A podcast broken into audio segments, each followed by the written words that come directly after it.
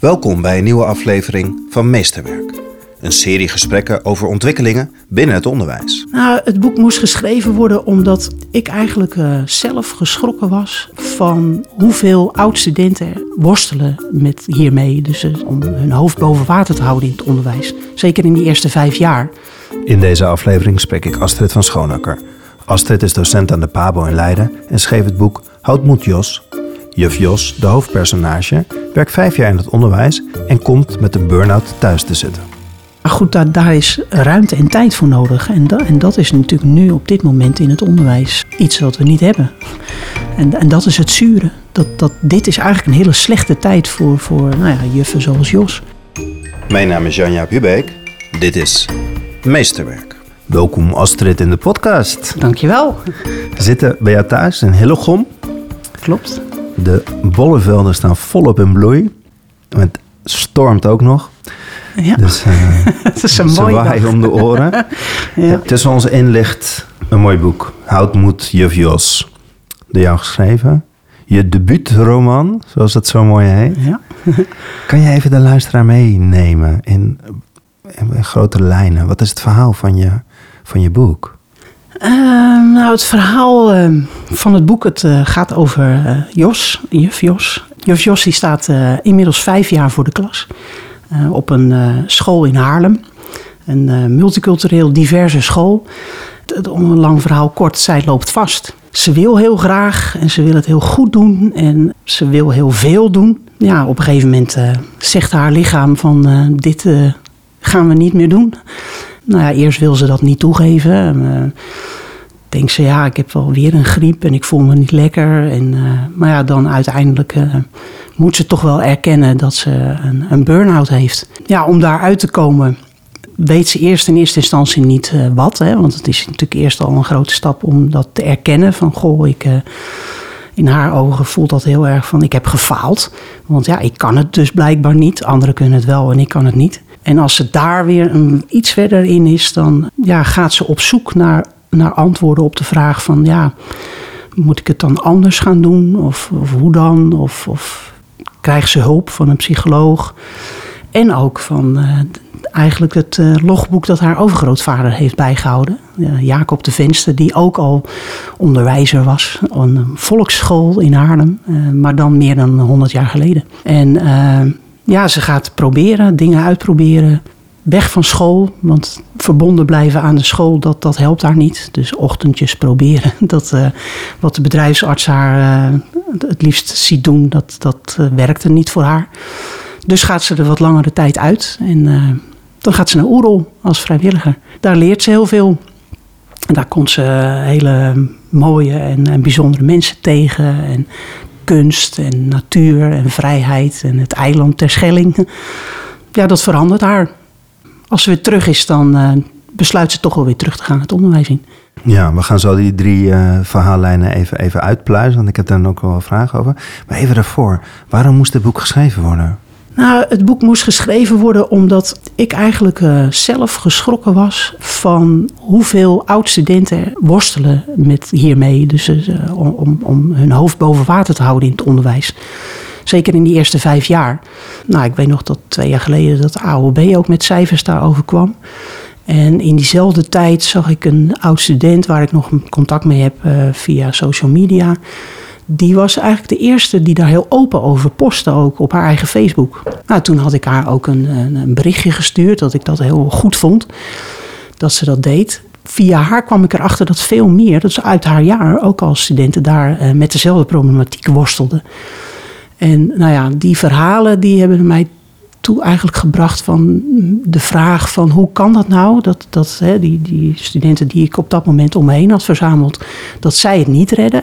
Maar anderen heel veel natuurlijk ook wel.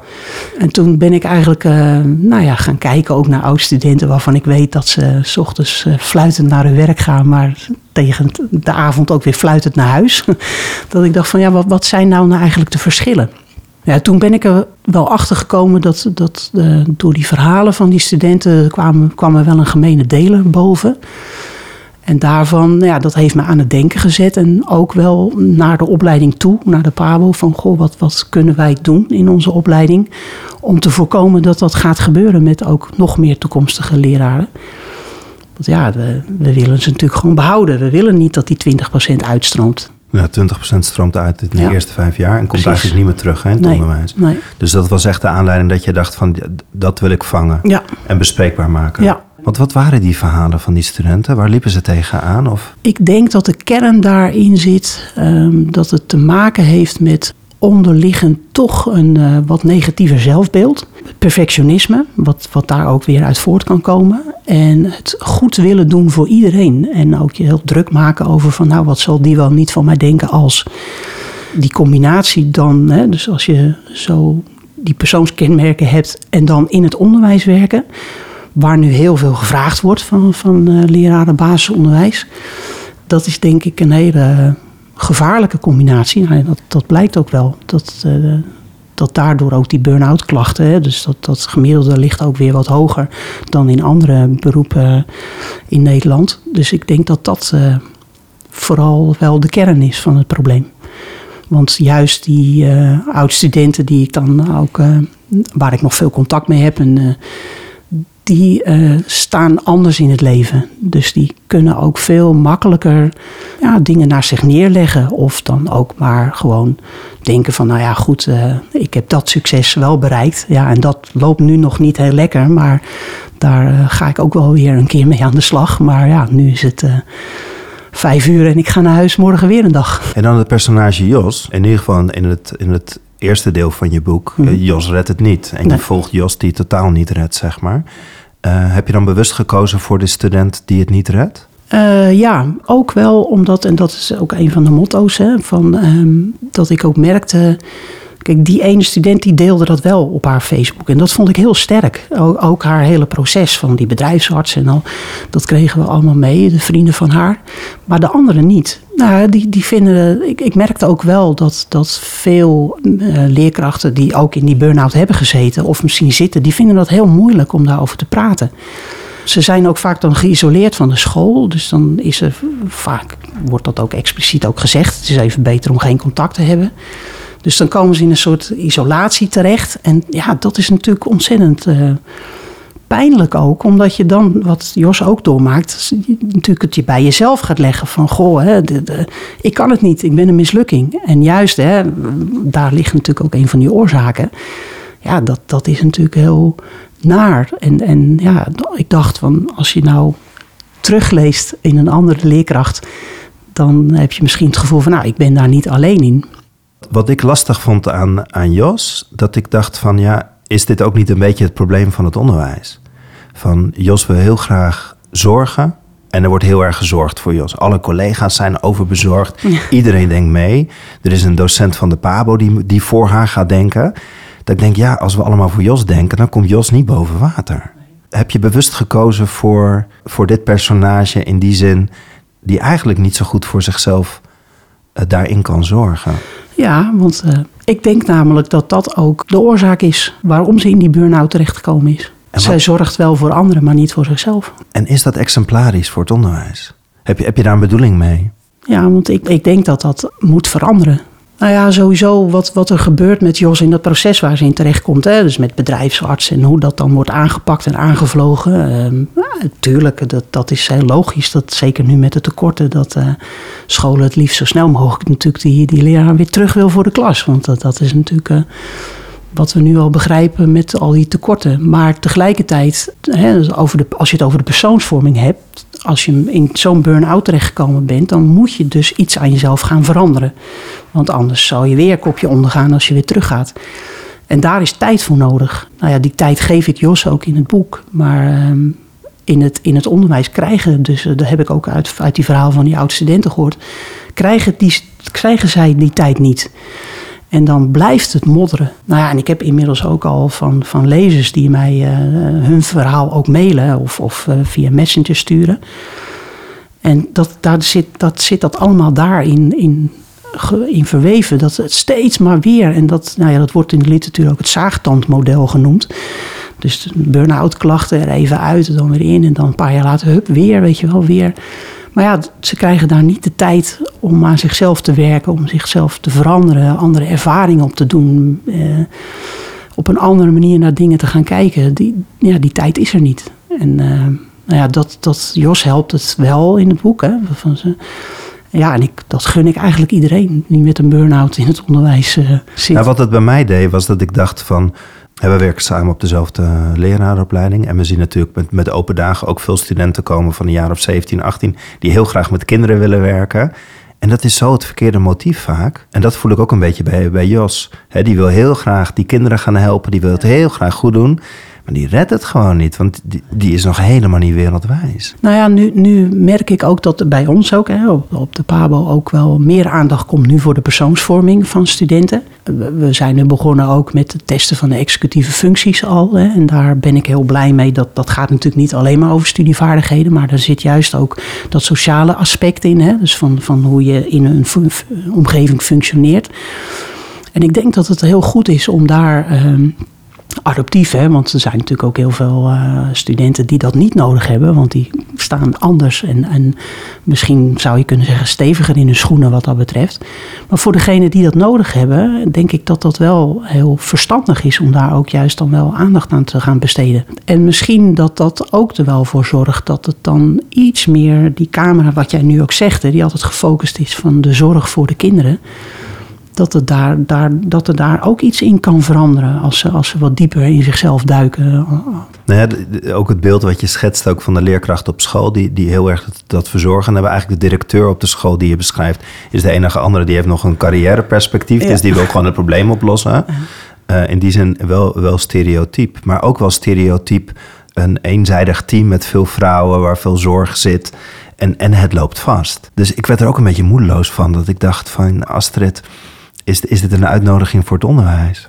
Nou, misschien een uitnodiging om daar goed over na te denken voor lerarenopleiders, maar ook wel voor degenen die ook in het onderwijs werken en die uh, met deze klachten rondlopen. Dus dat ze dit ook zichzelf misschien wel herkennen.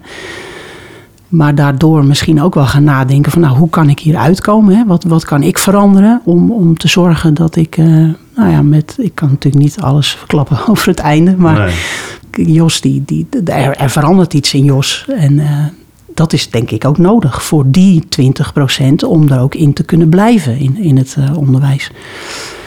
Uh, maar ik denk wel dat het heel belangrijk is uh, dat we met elkaar erkennen dat, dat dit wel een probleem is in het onderwijs. En ja. Uh, nou ja, dat misschien ook wel directies, bestuurders dat niet zien als een vervelend probleem. Van oh ja, hoe, hoe snel komt die persoon wel weer terug? Want we hebben al zo'n groot tekort. Maar ook nadenken over van, nou ja, wat, wat kunnen we doen om dit te voorkomen? Kunnen we daar misschien met coaching op een andere manier mee omgaan? Of kunnen wij leraaropleiders misschien ook wel daar iets in betekenen? Of het is wel bijvoorbeeld in het Engelse model uh, heel gewoon dat uh, studenten die daar zijn opgeleid, die blijven nog uh, verbonden aan de universiteit waar ze hun leraaropleiding hebben gedaan. En los eigenlijk van de school of bestuur waar ze voor werken, hebben ze dus hun begeleiding dan nog op de universiteit. Nou, misschien is dat ook wel een, bijvoorbeeld een mooi model, omdat je dan je misschien wat vrijer voelt om te vertellen over hoe het werkelijk gaat. Zonder dat je bang bent dat je misschien hè, op die school dan dat ze zeggen van nou jij bent geen goede leerkracht.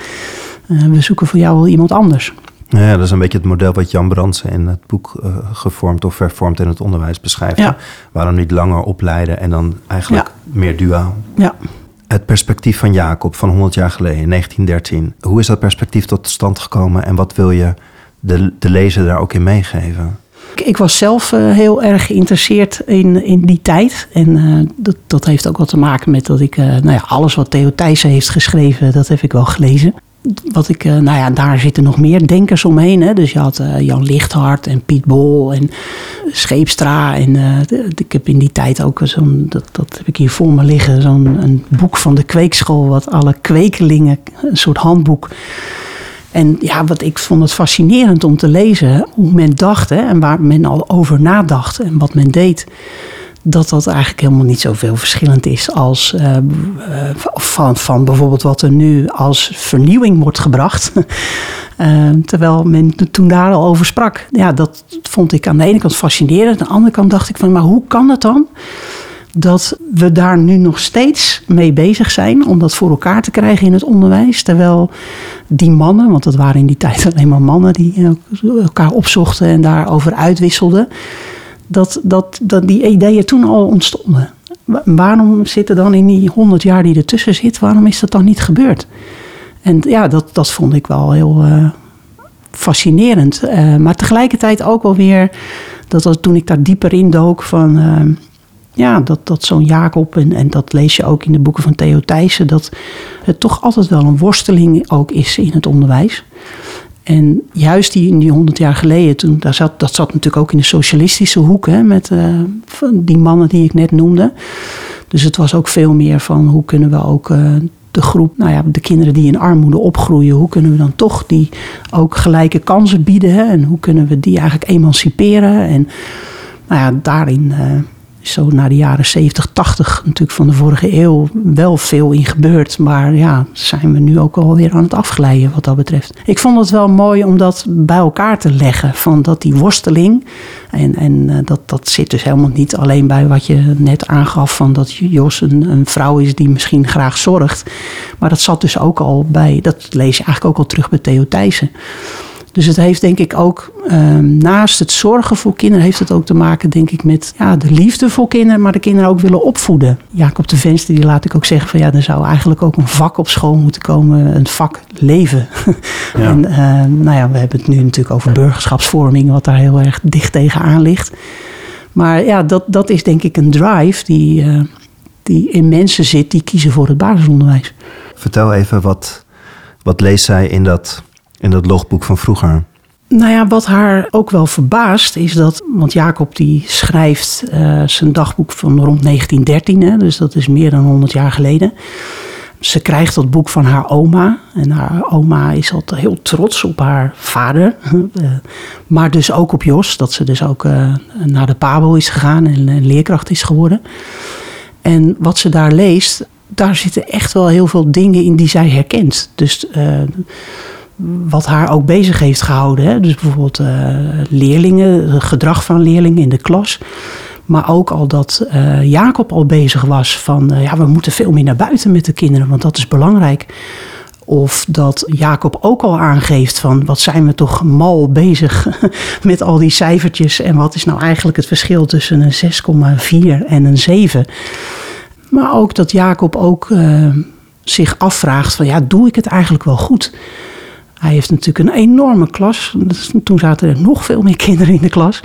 Met kinderen die ook opgroeiden in grote armoede. Eh, die hij ook kansen wil geven. Maar ja, dat, je bent maar een mens. En, en 24 eh, uur zit er in de etmaal. Dus ook daar worstelde Jacob al mee.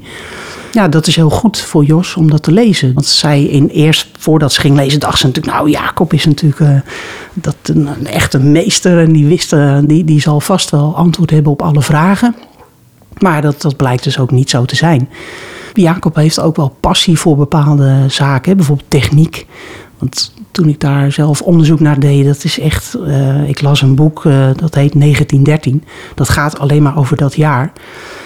En het is zo wonderlijk hoeveel die tijd lijkt op deze tijd. Dus de, maatschappij werd opgestuurd door allemaal vernieuwingen en je had technologische ontwikkelingen. En, uh, maar ook tegelijkertijd door die industrialisatie had je veel armoede van mensen die in uh, fabrieken gingen werken. Maar de, de, passie voor kunst en dat ook kunst om dat in het onderwijs te brengen en techniek. En dat kinderen daar ook over moesten weten en over moesten leren. Ja, dat zit ook in Jos. En uh, als zij dus weer later terugkomt op school nadat ze op Oerol is geweest, dan uh, vindt ze daar ook wel weer de kracht in om, om dan uit die methodes uh, te stappen en te zeggen van nou, ik ga een leuk project beginnen. En ik doe dat via internet met een collega in Denemarken en ik ga daar mooie dingen doen. En, uh, en ook met kunstonderwijs daarin. Dus dat, ja, dat, dat heeft Jos zeker geïnspireerd.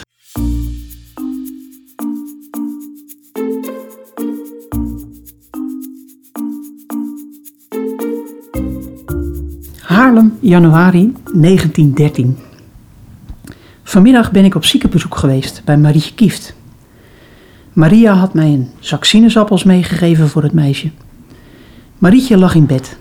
Een broertje, een peuter nog, zat aan het voeteind en speelde met een houten automobiel.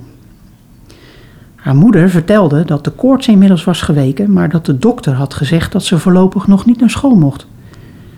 Ze maakte zich zorgen dat Marietje met haar leren te veel achter zou raken en dat haar man er ook al niet meer was om haar te helpen met het schoolwerk. Ik heb geprobeerd haar gerust te stellen door te zeggen dat het best een paar weekjes kon leiden. Op weg naar huis had ik medelijden met deze moeder, die er alleen voor staat om haar kinderen in armoede op te voeden. Zij kan haar kinderen niet helpen met het schoolwerk en maakt zich daarom zorgen over de schoolcarrière van haar slimste dochter. Dit is ons schoolmeesters aan te rekenen. Wij hebben de mensen dwaas weten te krijgen met onze gewichtigheid. Wij hebben de mensen een verwrongen kijk op waarde in het leven weten te bezorgen. Met onze examens en onze diploma's en onze getuigschriften en onze rapporten.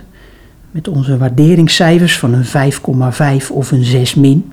De moeder van Marietje zou blij moeten zijn dat ze haar dochter nog heeft en niet vol angst moeten zitten dat het meisje, net als haar moeder, gedoemd zal zijn haar school niet af te maken. Deze kijk van de ouders veranderen is een zware kluif, maar mogelijkerwijs kunnen we in de klas meer de nadruk leggen op de zedelijke opvoeding.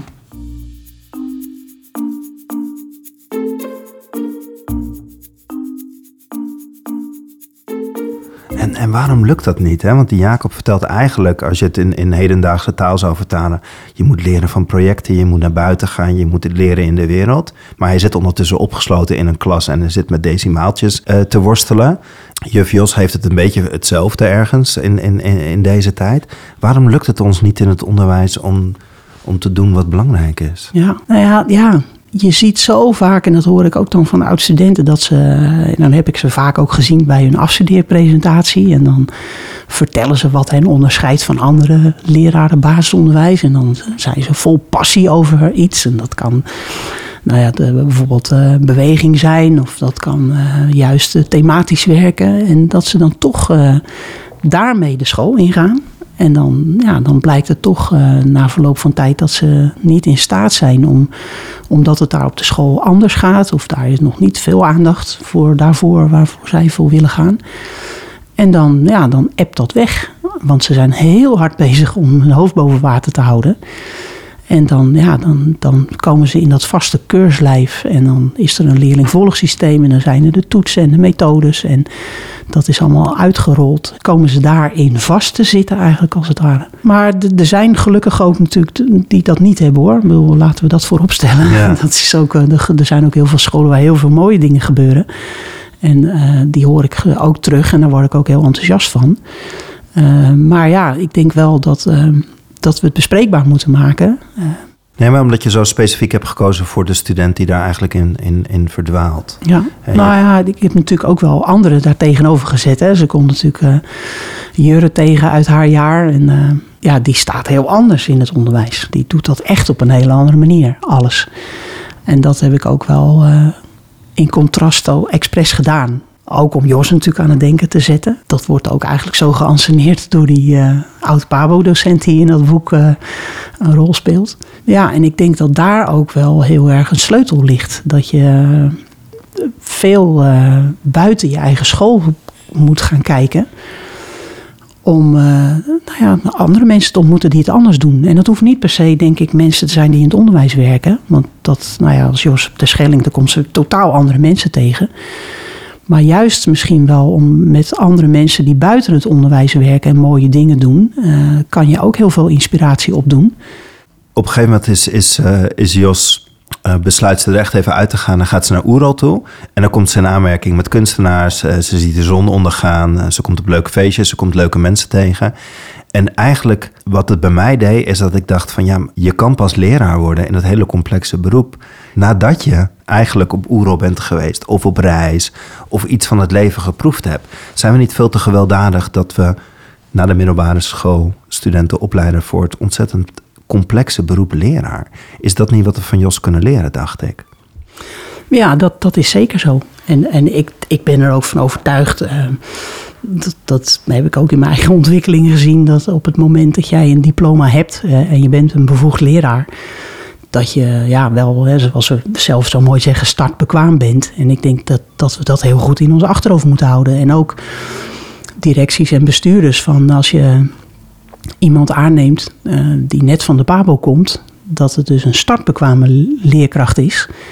Maar ja, die ontwikkeling die, uh, die stopt natuurlijk ook nooit. Maar ik denk zeker in die eerste jaren dat die bepalend zijn. En ja, daarom is het denk ik ook zo zuur dat, dat uh, als daar de werkdruk natuurlijk zo hoog ligt, ja, dan, dan kunnen dit soort dingen ja, dan om even zo maar te zeggen, dan kan ik me heel goed voorstellen dat je dan in het weekend uh, onderuit ligt uh, om weer bij te komen van de week en je op te laden en dan hup, dan ga je weer. Terwijl ja, dit wat, je, wat ik ook in, in het boek heb gebracht, ja, dat, dat heb je nodig. De inspiratie opdoen uh, daarbuiten om.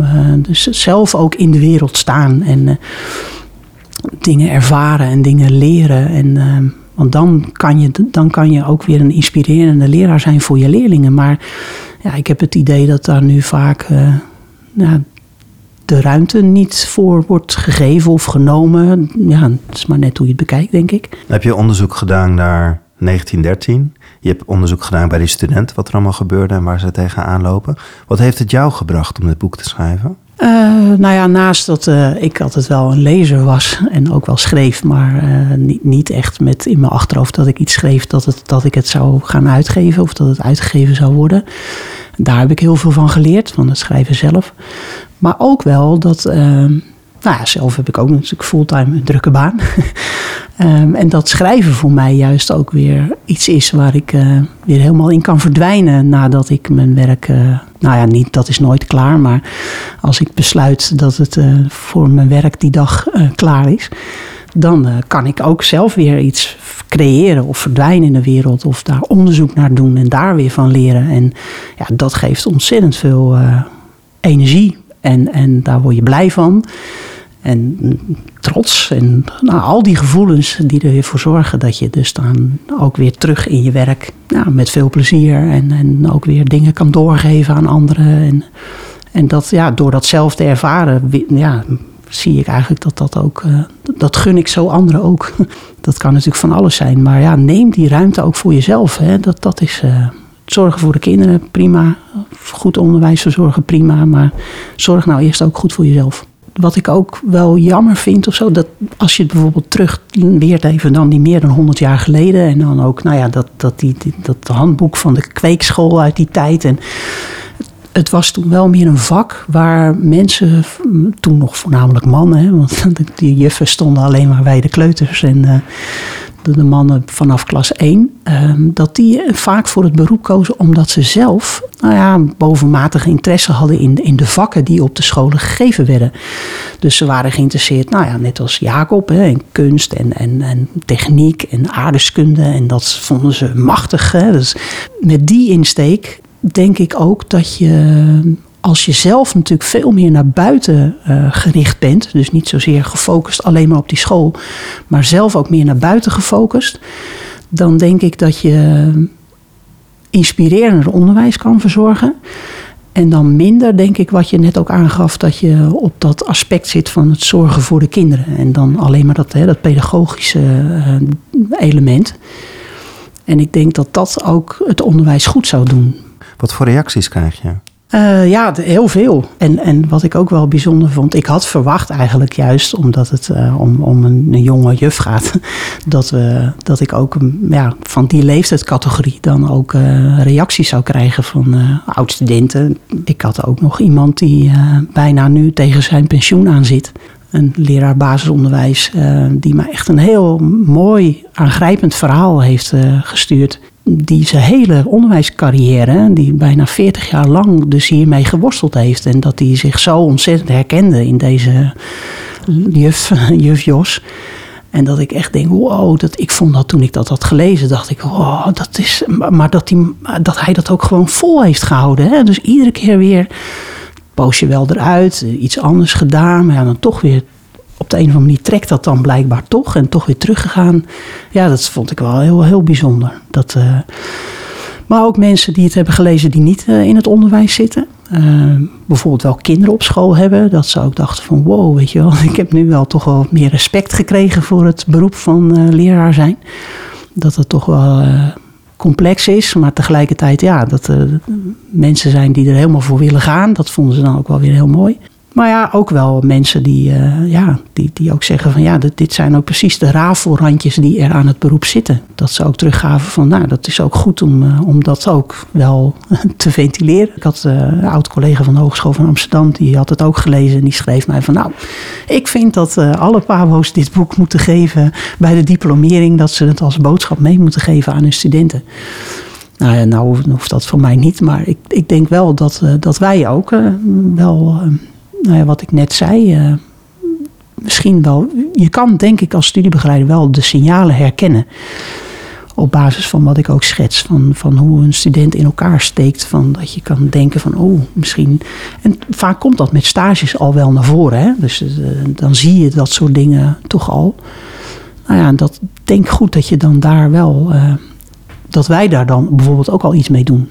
Ja, want het is eigenlijk ook de opdracht aan de PABO wat jij, wat jij, wat jij schrijft. Is van deze studenten zijn eigenlijk nog, nou ja, nog niet klaar, is, is een groot woord, maar zijn eigenlijk nog niet nou ja, volwassen genoeg of, of zelfvoorzienend genoeg om dat complexe beroep aan te gaan. Ja, wij kunnen dat niet in die vier jaar tijd oplossen. Dat heeft te maken, nou ja, goed, de Jos die krijgt natuurlijk ook therapie hè, van een psycholoog. En die gaat daar ook een proces in. En uh, nou ja, dat, dat, dat kunnen wij als PABO niet, niet bieden.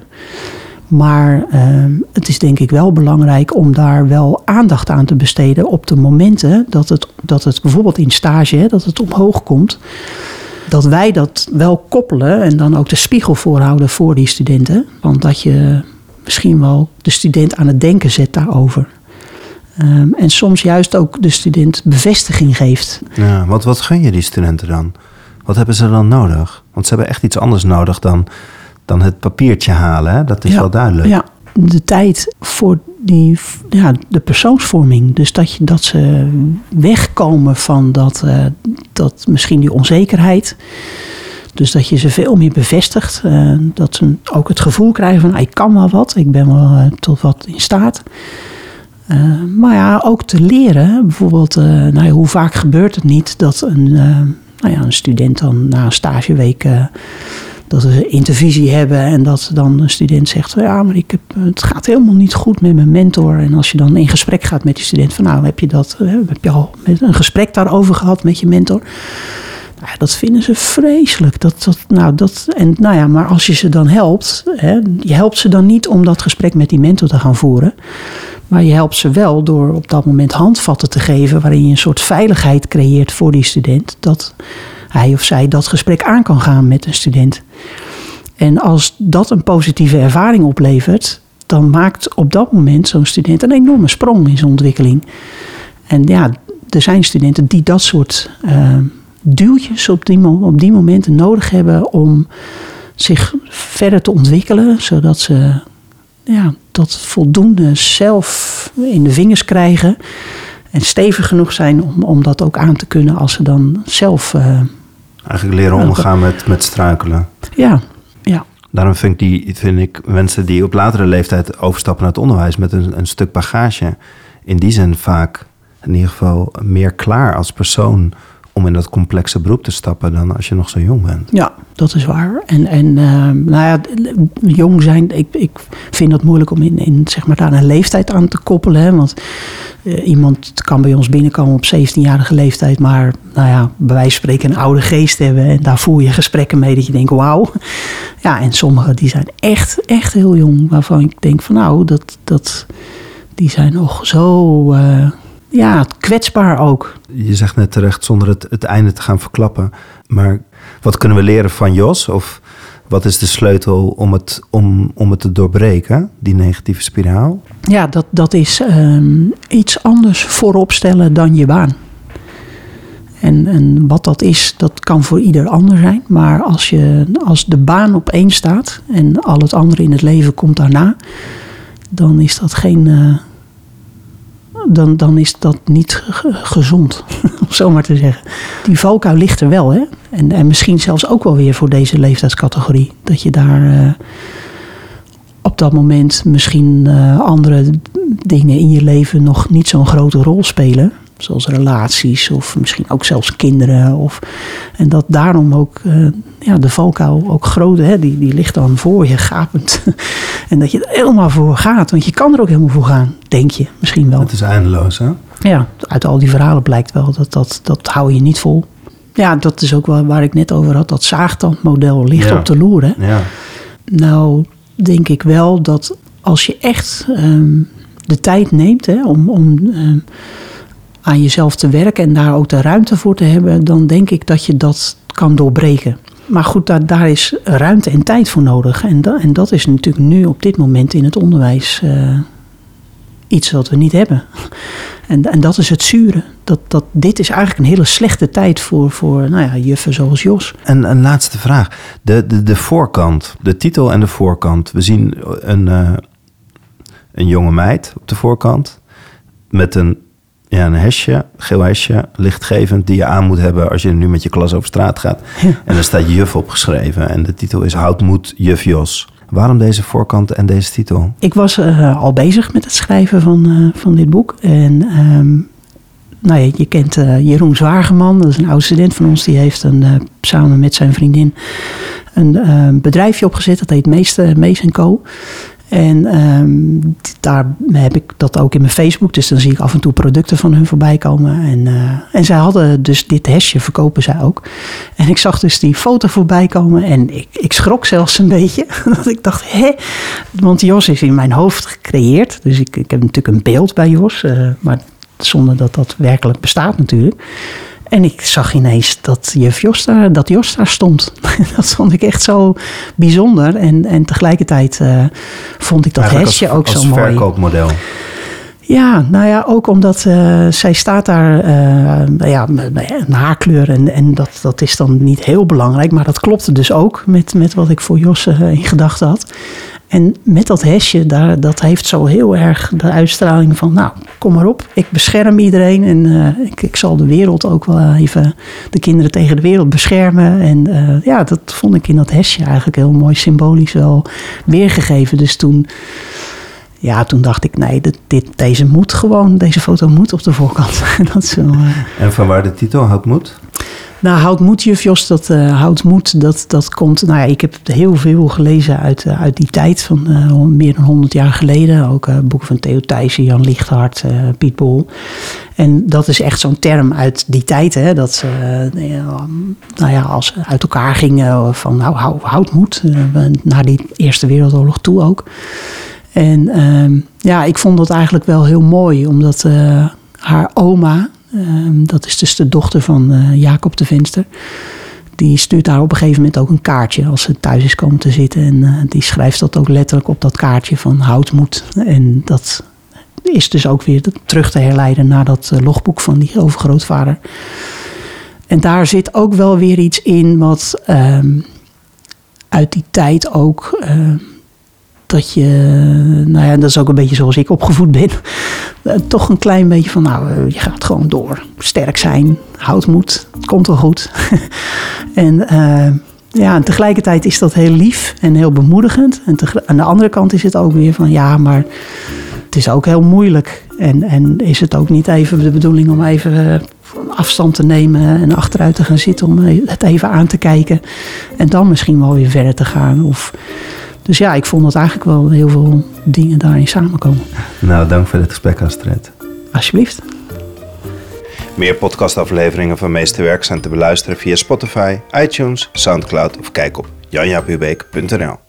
Je kunt deze aflevering een duimpje of een aantal sterretjes meegeven, zodat meer mensen deze podcast makkelijker kunnen vinden. Hoe dan ook, tot de volgende aflevering van Meesterwerk.